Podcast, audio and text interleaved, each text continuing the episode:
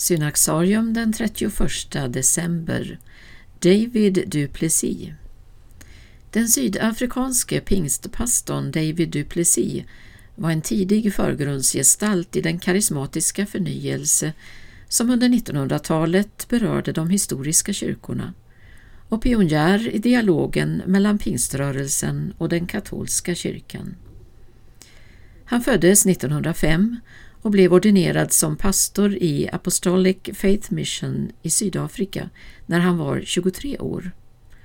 År 1935 utsågs han till generalsekreterare inom sitt samfund och kom att ägna mycket tid åt att främja samarbetet mellan olika grupperingar inom pingströrelsen. I slutet av 1940-talet flyttade Duplessis med sin familj till USA där han anslöt sig till Assemblies of God. Från att under sina tidiga år ha intagit en kritisk hållning till andra kyrkor kom David Duplessis att bli en allt ivrigare ekumen. Redan 1936 hade den välkände predikanten Smith Wigglesworth uttalat en profetia över Duplessis att denne skulle få vara med och öppna för Andens vind i de historiska kyrkorna.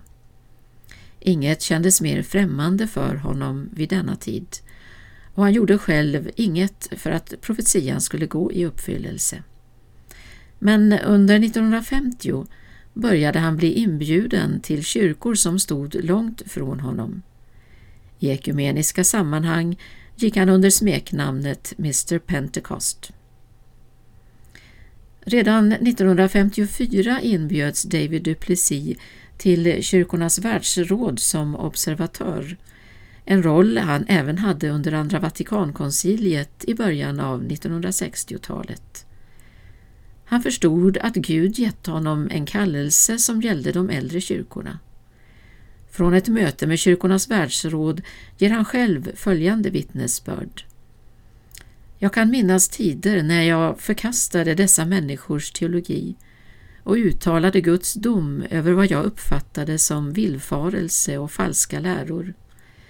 Men nu kände jag hur den helige Andes värme genomströmmade mig och istället för min tidigare hätskhet fylldes jag av en sådan kärlek till och medkänsla med dessa kyrkoledare att jag ville ge mitt liv för dem snarare än fördöma dem. Allt djärvare ekumeniska strävanden, inte minst i förhållande till den katolska kyrkan, gjorde honom kritiserad och kontroversiell bland sina egna. Det gick så långt att han fråntogs sin pastorslicens och utestängdes från att predika i många pingstkyrkor. Senare blev han dock upprättad och vid sin död den 31 december 1987 var han erkänd och respekterad i sin egen kyrka för sina banbrytande insatser.